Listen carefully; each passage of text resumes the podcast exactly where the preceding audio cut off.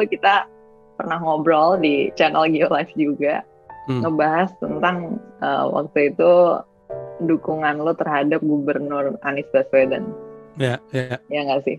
Mm -mm. Nah sekarang kan udah mendekati ini ya akhir uh, pemerintahan beliau, yeah. ya nggak sih di yeah. Jakarta. Dan orang eh, orang-orang tentunya sudah ada yang banyak uh, ngebahas juga tentang potensi Pak Anies maju ke pilpres gitu kan, mm. uh, dan mm. seterusnya intinya udah kelihatan nih ini akan berakhir terus mungkin akan maju ke panggung yang lebih besar atau adalah mungkin ya what's nextnya bisa macam-macam.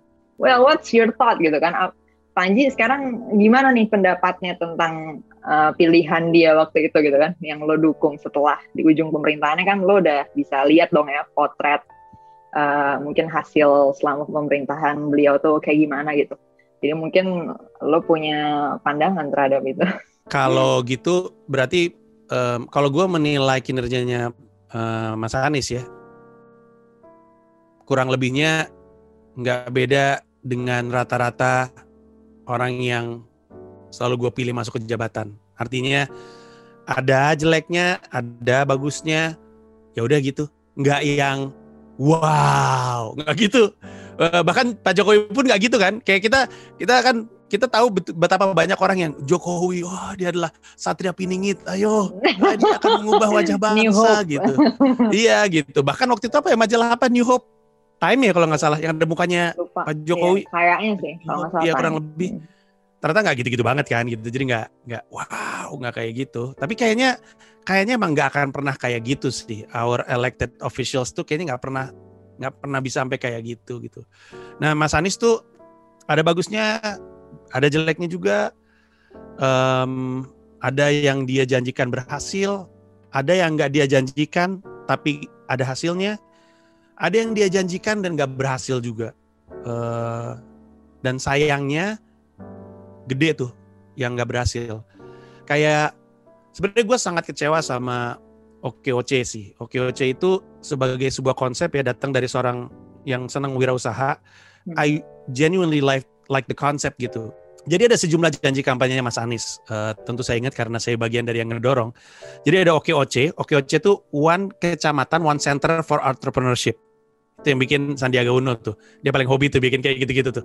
Intinya di setiap kecamatan ada pusat pelatihan wirausaha. Um, lalu ada uh, DP 0 itu adalah program uh, program uh, program finansial untuk membantu warga Jakarta, KTP Jakarta bisa punya rumah dengan nggak harus bayar DP karena DP-nya ditanggung atau dijamin sama Pemprov DKI. Hmm. Terus ada OKO Trip. OKO Trip itu sistem transportasi berjejaring. Waktu itu ini lahir gara-gara Pak BTP sempat ada isu mau ngapus angkot. Hmm. Terus ada lagi stadion Persija baru yang selalu disebut stadion BMW, gue nggak tahu kenapa. Terus um, satu lagi ini reklamasi, menghentikan reklamasi. Nah si OKOC itu gue senang sekali karena sampai dengan sekarang kalau uh, belum buka YouTube gue, gue tuh punya konten namanya cubis curhat bisnis, di mana orang bisa curhat aja bisnisnya ke gue, seminimal minimalnya gue tampung, tapi kalau gue bisa bantu untuk mengatasi masalah bisnisnya dia, gue akan kasih. Dan yang cubis ke gue dari orang yang punya barang elektronik jualan kipas angin, uh, toaster dan TV, sampai dengan um, orang yang punya ini aneh banget. Orang yang bisnisnya itu adalah jual beli subscriber dan views. Lucu banget. Jadi dia curhat ke gue, kenapa ya bisnis jualan subscriber dan views gue gak naik-naik? Kata gue, pertama-tama lu mesti tahu gue gak gitu setuju sama bisnis lu ya. Tapi karena lu datang ke sini ya udah gue coba bantu. Jadi gue seneng banget itu. Um, dan gue tahu sebenarnya kan kita sering dengar cerita ya. Kayak gue contohnya Abuba aja. Abuba itu kan dari warung terus jadi restoran gede gitu jadi gue kisah, kisah cerita di belakangnya, tapi gue suka makan di situ by the way. iya, Abu Ba itu awalnya tuh bener-bener warung, satu buah warung tenda, kemudian jadi restoran yang gede banget. Jadi kisah sukses uh, warung kaki lima atau ya UMKM kemudian jadi gede itu ada di mana-mana kalau misalkan mereka punya pelatihannya.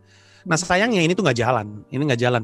Ngakunya jalan, tapi kita sih harusnya tolok ukur itu dari yang kita lihat Nah kita nggak ngeliat hmm. itu, kita nggak ngeliat nggak ngeliat itu, dan gue sangat menyayangkan itu. Konon kabarnya hmm. sih di hmm. dalam berantakan sendiri sepeninggal uh, Bang Sandi, nggak hmm. ada yang kontrol. Terus yang juga nggak jalan itu DP 0. DP 0 hmm. tuh nggak jalan karena kalau menurut mereka sih alasannya untuk bisa bikin aturan ini mereka mesti bikin aturan baru yang menegasi aturan lama. Jadi aturan lamanya tuh tidak mengizinkan mereka untuk punya produk ini dan akhirnya nggak jalan. Um, dan mereka menurut gua ya, menurut gua mereka nggak bisa beralasan bahwa um, ya harap dimaklumi ya karena ini kan emang kita mau bikin inovasi gitu. Ya tapi uh, tanggung jawab lu adalah mencari cara untuk supaya itu terjadi karena lu nggak ada nggak ada yang jalanin itu. Padahal kan kita tahu hari ini banyak banget anak-anak muda yang pengen punya rumah tapi enak bener nih ngumpulin DP 30 juta, 50 juta gitu kan. Jadi yeah. ya sangat disayangkan. Nah di sisi lain, sejujurnya nih, ini gue nggak nyangka akan kejadian, tapi kejadian juga. Itu yang si stadion itu, stadion bola. Kalau lo naik Wiyoto Wiono menuju Ancol, lo ngeliat sebelah kiri bangunan gede apa? Ternyata hmm. stadion bola baru kata gue buset deh. Udah mau jadi aja. Terus yang juga paling paling keren menurut gue tuh Oke Trip yang sekarang namanya Jaklingko Mm -mm. uh, eh, gue dulu naik angkot hampir setiap hari. Kemudian um, gue naik metro mini yang kakinya satu kaki begelayut, sisanya ngawe-ngawe gitu di pintu gitu. Terus dulu gue kalau turun mesti tok tok tok gitu. Sekarang tuh semuanya udah berubah lu. Gue naik angkot bisa ngetap kartu aja, ketawa sendiri gue di angkot. Gue duduk di angkot gitu sambil ngeliatin kartu. Ya Allah kocak banget naik angkot ngetap kartu. Um, tapi itu tuh udah jalan sekali dan salah satu efeknya adalah dan publik lupa ini adalah di Jakarta sekarang sedikit sekali kita ngeliat angkot ngetem. Sedikit sekali dan itu pasti ngaruh ke macet.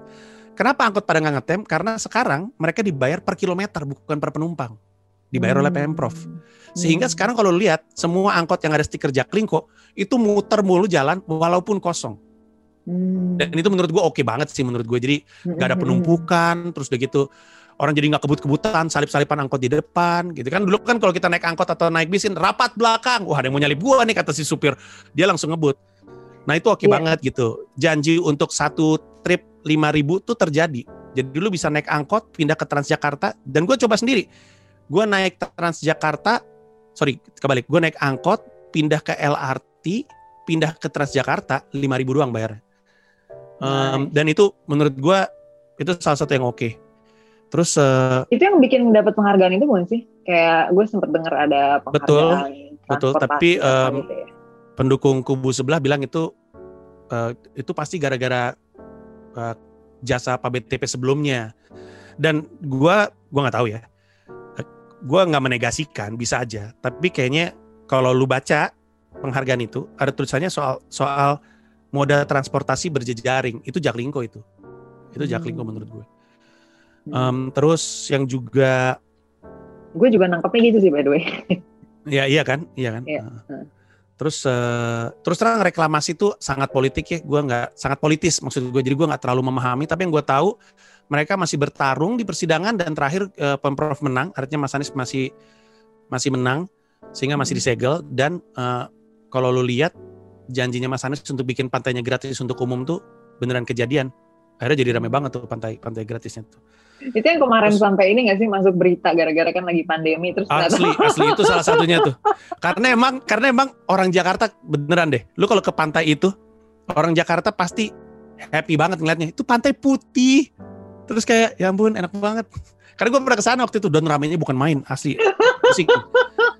um, Aneh juga ya di pantai pakai masker ya double double. Ya asli asli asli.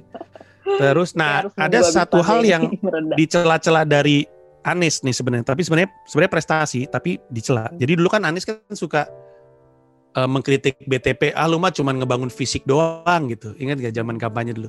Kubunya Anies tuh nyerang kubunya BTP dengan bilang lu nggak ngebangun manusianya, lu cuma ngebangun fisiknya doang.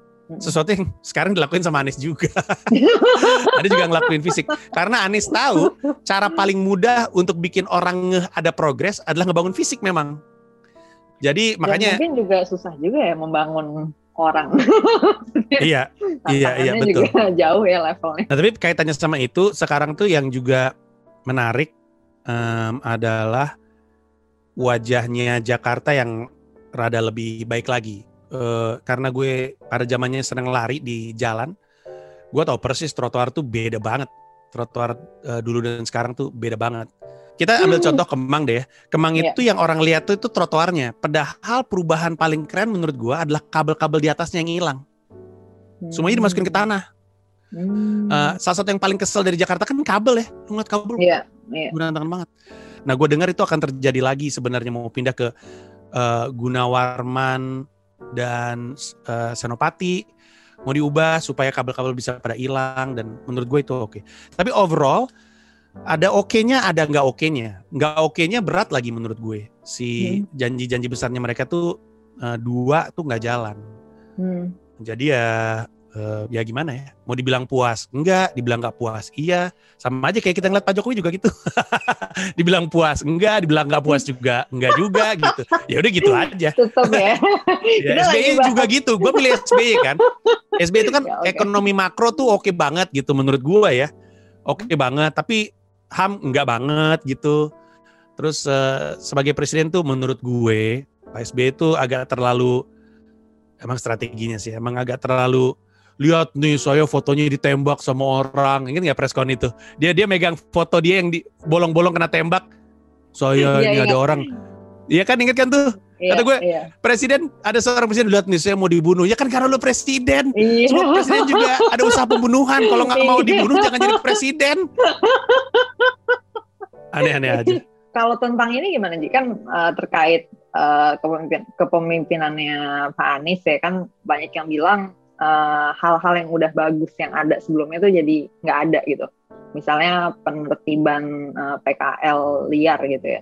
Masalahnya kan di trotoar ya, jadi kan orang yang pejalan kaki jadinya harus ke jalan raya kan. Akhirnya kayak domino effect gitu loh. Jadi jalan hmm. rayanya dipakai orang, akhirnya jadi macet gitu. Maksudnya mobil dan hmm. motor jadi nggak bisa lewat dan lain sebagainya gitu. Kalau yang kayak gini menurut lo Uh, menurut gue ini maksudnya ya, menurut gue ini tricky karena dia sebenarnya menang gara-gara suara orang-orang tersebut gitu. dan gue curiga gue curiga dia akan tetap butuh suara orang-orang tersebut itu yang gue khawatirin jadi um, kalau lu denger ya um, kredonya Anies tuh dari zaman kampanye kan selalu gitu kan selalu kenapa sih selalu rakyat kecilnya yang ditindas yang gede-gedenya nggak kayak nggak pernah diapa-apain gitu sampai zaman sekarang dia kayak gitu uh, dia lebih sering ngomel-ngomel ke yang higher up gitu ketimbang yang di bawah di bawah gitu. Kayak hmm. kalau lo lihat ya, menurut gue sih ini semi-semi pencitraan. Waktu kemarin dia masuk ke kantor-kantor yang masih uh, masih kerja di office, tau lo? Yang dia marah-marah. Hmm, enggak, dia tuh, gue nggak ngikutin yang itu. Ada tuh dia masuk-masuk tuh dia marah-marah. Ini nyawa orang loh segala macam. Dia lakuin itu di perusahaan-perusahaan gede. Dia nyerang itu ke menengah ke atas gitu. Dia nggak hmm. ngelakuin itu ke bawah. Karena dari dulu emang itu yang jadi kritik utamanya dia gitu. Wah beraninya yang kecil, yang gede enggak. Tapi kan bukan berarti yang gak, yang kecil nggak ditertibin gitu loh. Nah, iya si, masalah lebih besar lagi adalah maksudnya si fasilitas umum ini kan betul. juga dia sendiri yang desain kan. Maksudnya pemerintah sendiri yang mendesain kayak betul. ini buat sepeda atau ini buat jualan, ini buat segala ya, macam. Ya. Jadi kayak ya harusnya mereka Menurut juga gua, untuk yang masih berantakan adalah karena dia belum ketemu solusi mau dibawa ke mana. Kayak kalau untuk yang Tanah Abang kan naik ke atas tuh pedagangnya oh, pada iya. naik ke atas. Terus setiap kali turun ke bawah disamperin sama satu PP untuk naikin ke atas lagi. Yeah. Terus ada beberapa titik juga kayak gitu. Ada satu yang gak kelar kelar sampai hari ini karena bingung mau ditaruh ke mana. Itu adalah di Kota Tua. Kota Tua pedagangnya tuh masih di situ. Gua hmm. gua curiga, gua curiga mereka tuh diam-diam. mereka jangan ada yang ngomongin ya. Ini kita masih belum kelar nih. Karena uh, yang di sana tuh agak bingung juga gesernya mau ke mana. Jadi menurut gua ya memang uh, itu bisa jadi salah satu kekurangan. Ada ada tempat-tempat yang berhasil dirapihin, banyak tempat-tempat yang nggak berhasil dirapihin. Eh, itu bagian dari kegagalannya dia menurut gue dalam mengelola okay. kota. Kalau soal ini Ji, ini kan juga rame ya waktu itu si apa Formula E ya.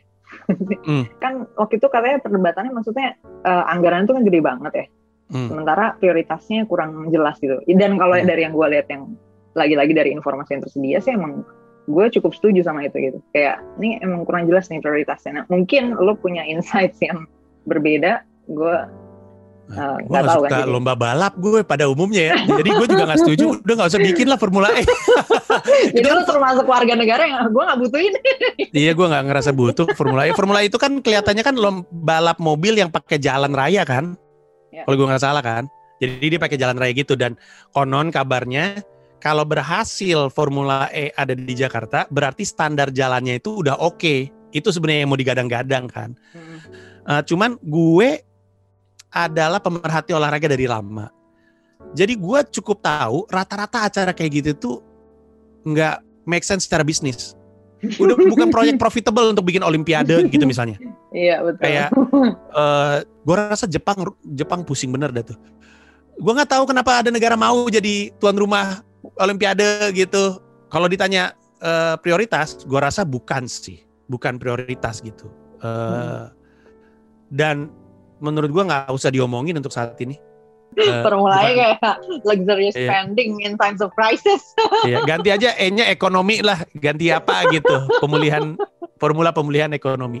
Well, what's next buat Pak Anies? Lo termasuk yang akan mendukung beliau kalau mau maju pilpresnya 2024. Kalau what's next sih, sih gue sangat yakin maju sih, sangat yakin.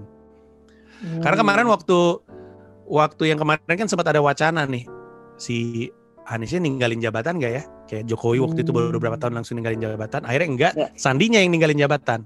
Yeah. Dianya yang lanjut. Yang mana secara strategi politik menurut gua udah paling bener deh. Udah nggak apa-apa lu di situ aja, nggak usah buru-buru.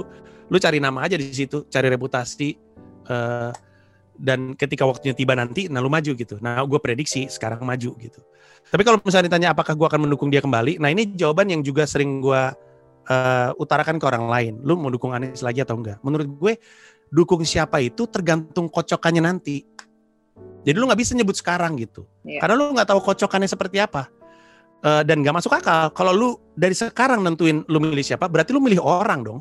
Hmm. Lu milih orang dan sebaiknya kita nggak milih orang, kita milih apa yang dia mau perjuangkan karena kita tidak seharusnya setia sama orang, tapi setia sama apa yang dia bilang dia akan perjuangkan. Hmm. Nah, nanti perjuangan kita selanjutnya adalah mendagih janjinya dia. Karena waktu itu lu bilang lu janji ini, gue dukung lu karena lu janji itu. Kalau lu ditanya sekarang siapa yang lu pilih, menurut gue jawabannya adalah gue mau lihat kocokannya. Karena itu berarti lu milih gagasannya bukan milih orangnya. Setia pada gagasannya yang juga gagasan lu. Gagasan yang lu bela ketimbang setia sama orangnya. Gitu. Oke, uh, terakhir soal politik nih, Ji. Tadi ya. kan lo bilang uh, kepemimpinan siapa pun itu yang lu pilih selalu gitu-gitu aja maksudnya selalu nggak sembombastis janjinya and then yeah. pasti ada kurangnya pasti ada lebihnya tapi kalau misalnya gue minta lu bandingin hmm. tingkat kekecewaan lo atau tingkat kepuasan lo terus lo bisa milih antara Jokowi sama Pak Anies Presiden Jokowi sama Gubernur Anies gimana? Oh, gua gua sih lebih besar ke Pak Jokowi apa nih kekecewaannya apa kepuasannya? Kekecewa kekecewaannya. Kekecewaannya, okay. Karena konteksnya lebih kepada lebih luasnya tanggung jawab, ekspektasinya hmm. dan ekspektasi terhadap performancenya ya. Jadi lebih tinggi ya karena cakupannya juga lebih luas gitu. Iya iya. Ya setiap kota mah bisa aja berantakan gitu ya. Ini ini ini untuk ngambil contoh ekstrimnya, tapi jangan dengar yang berantakan gitu. Kalau gue suruh lo ngasih rating, Ji. Siapa nih? Dari 0 sampai 10 kali ya. Uh, 0 sampai 5 nih biar sama kayak Gojek. untuk untuk siapa? Pak Jokowi? Untuk ya Pak Presiden Jokowi dan Gubernur Anies dong. Mas Anies ada di tiga bintang. Pak Jokowi tiga bintang juga deh.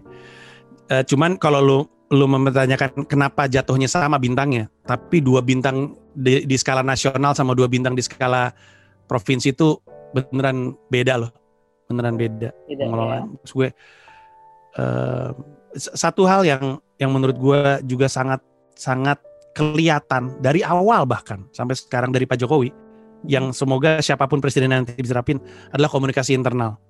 Hmm. Berkali-kali kita kita tuh ngelihat kejadian di antara pemerintah yang membuat kita ngerasa ini ada grup WhatsApp atau enggak sih ini mereka berdua iya. gimana sih?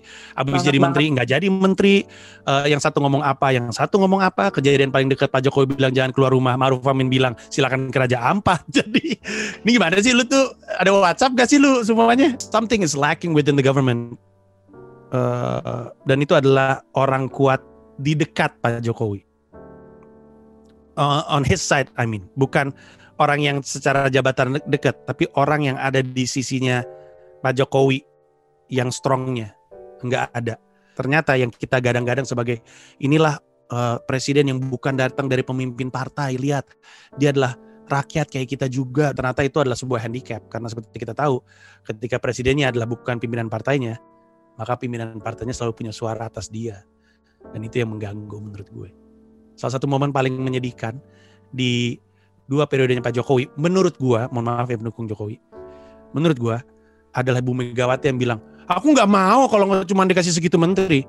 Aku pokoknya belas mintanya segini menteri, nggak mau. Orang biar gimana pun juga kan dia adalah petugas partai. Oh, my goodness, that is the worst thing someone can say in a democracy. In a democracy, mm it's just bad. It's just bad. Mm pada akhirnya dan, dan waktu if, itu even if lo mikir gitu at least usah ngomong kali. Iya iya jangan iya betul. Jangan gede. Iya bener aduh bener iya lucu banget iya kayak gitu-gitu tuh di di meja makan aja udah. Nggak usah pakai mikrofon nggak usah di depan orang. Dan pada akhirnya gue waktu itu bilang pada akhirnya nih kayak gini-gini nih akan bikin jabatan-jabatan uh, dadakan gitu tiba-tiba ada jabatan baru gitu dan itulah kurang lebihnya yang terjadi gitu.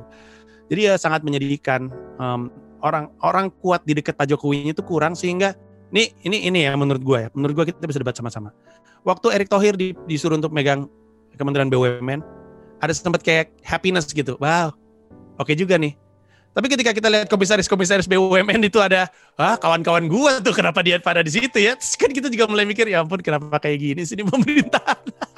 pertanyaan dikit soal ini deh, karena gue kemarin sempat nanyain terkait ini ke beberapa orang ya. Waktu itu kan sempat ada salah satu seniman yang menjadi komisaris gitu. Yeah. Uh, gue sebenarnya sempat mempertanyakan kayak pertidaksetujuannya itu di sebelah mana ya sih, Ji? Maksudnya uh, is it about apa? Maksudnya apakah uh, bidangnya kayak harusnya dia nggak di bidang ini dong gitu, misalnya karena backgroundnya ini atau karena uh, kok pemerintah milih komisaris berdasarkan popularitas sih misalnya atau karena apanya nih kayak gue uh, pengen tahu pertidaksetujuan itu di di mananya gitu. Oke, jadi sebenarnya untuk yang nonton juga kita coba untuk jelasin lagi komisaris independen itu apa. Komisaris independen itu sering kali orang yang ditaruh dalam um, jajaran komisaris yang kasarnya ya adalah titipan. Ini gue titip orang di sini karena gue nggak kenal orang di situ orang itu suruh lihat dan report ke gue langsung apa yang terjadi di dalam di antara jajaran komisaris. Kurang lebihnya kayak gitu. Oke. Okay. sebenarnya kita bisa naruh siapa aja di hmm. jabatan komisaris independen. Karena salah satu requirements-nya adalah kepercayaan gue terhadap orang yang gue taruh di situ.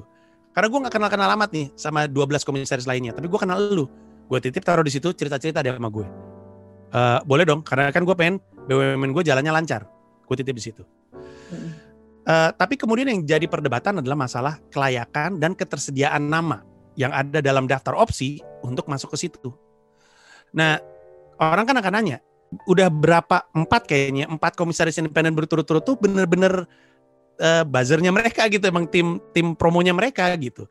Sekarang publik jadi nanya, emang pilihannya tadinya siapa? Terus kalau misalkan ada yang nanya, emang kenapa lu harus tahu pilihannya? Karena gue pengen tahu kelayakannya.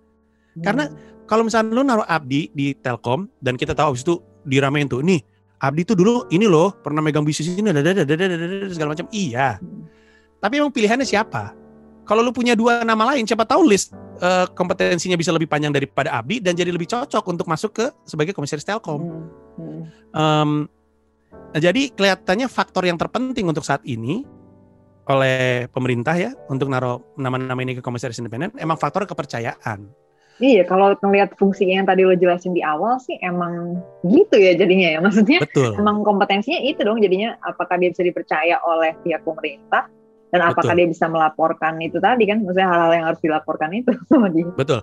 Tapi kalau misalkan lu adalah seorang atlet renang, kemudian lu dimasukin ke dalam atlet basket, lu akan gagap dengan istilah. Lu akan bingung dengan konteks. Lu akan nggak ngerti aturan mainnya. Dan itulah kenapa kelayakan jadi krusial. Ya tentu gue percaya sama Abdi. Gue juga dekat sama Abdi. Baik hmm. banget bahkan. One of my closest friends. I, if you hmm. ask me, do I trust him? I trust him wholeheartedly. He's a good person. Hmm. Tapi gue juga nggak mau naruh Abdi di sebuah tempat yang membuat Abdi pusing sendiri gitu. Semoga nggak terjadi, semoga nggak terjadi. Tapi habis itu dia nggak bisa memproses apa yang dia lihat. Kemudian dia nangkepnya out of context kan mungkin aja loh. Dan akhirnya report kepada orang atasan lo, siapa pun yang naruh itu, jadinya nggak nggak lengkap gitu. Karena secara kelayakan mungkin ada yang lebih baik gitu. Uh, di sisi lain gue beneran nggak peduli sama sekali apa yang komisaris lakukan. Uh, kayak karena ada yang kritik nih masa komisaris independen kelakuannya masih kayak gini? Masa komisaris independen masih suka nge-tweet kayak gini? Buat gue komisaris independen tuh orang terserah dia dah. Kalau iya. misalkan komisaris independen ini ternyata senengnya nyanyi dangdut lanjang dada di spare time-nya dia itu serah dia kali orang itu maunya dia apa urusannya lu orang pas jadi komisaris jadi nggak jadi orang lagi gitu iya aneh banget orang orang lu mau taruh dia di kursi warung tegal sama di kursi komisaris ya dia kan jadi orang yang sama gitu yeah. Iya. um, tentu tentu ada apa ya ada uh, kewibawaan jabatan yang mungkin harus dia pertimbangkan ya. uh -uh. tapi ya maksud gue gue sejujurnya apa pun urusannya I don't I don't even care if one of them is gay. Nggak ada urusan lu urusan personal lu dengan dengan jabatannya. I mean you can be you, you can be whatever. Uh, dan boleh ngelakuin itu. Gue tuh cuma mempertanyakan uh, kelayakannya. Karena gue ngerti lu mesti naruh orang yang lu percaya. Tapi kita semua tahu kelayakan itu ide apa krusial. Jadi publik sebenarnya nggak perlu, tapi akan lebih baik kalau dikasih tahu kenapa akhirnya jadi milih dia. Sehingga sehingga kalau komunikasinya lancar, publik juga jadi oh ya udah gue ngerti. Jelasin aja. Berarti lagi-lagi problemnya tuh, komunikasi juga ya. Maksudnya balik betul, ke sekali. komunikasi lagi. Nah kalau nggak cerita kan publik jadi mikir kenapa sih lu nggak mau cerita ya? Takut ditanya. ini ini yang membuat uh, membuat publik jadi skeptis sama komisaris-komisaris independen ini. But I pray the best for any one of them.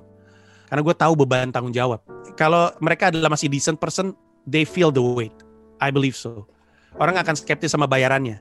Still, ada tanggung jawab. Gue cuma mengkhawatirkan hasil akhirnya aja. Yang nanti sayangnya kita cuma bisa lihat di beberapa tahun ke depan. Gitu. Di akhir ya, di ujung. Iya, betul. Oke. Okay. Uh, thank you, Ji. Pandangan-pandangannya tentang Ya, isu-isu politik yang uh, penting ya. Orang-orang banyak yang nanyain juga dan I think uh, it's quite uh, apa ya menurut gue lu punya reflection yang cukup deep sih tentang tentang semua ini dan. Amin. and that's yeah, really helpful. Mungkin bisa jadi insights juga buat uh, yang dengerin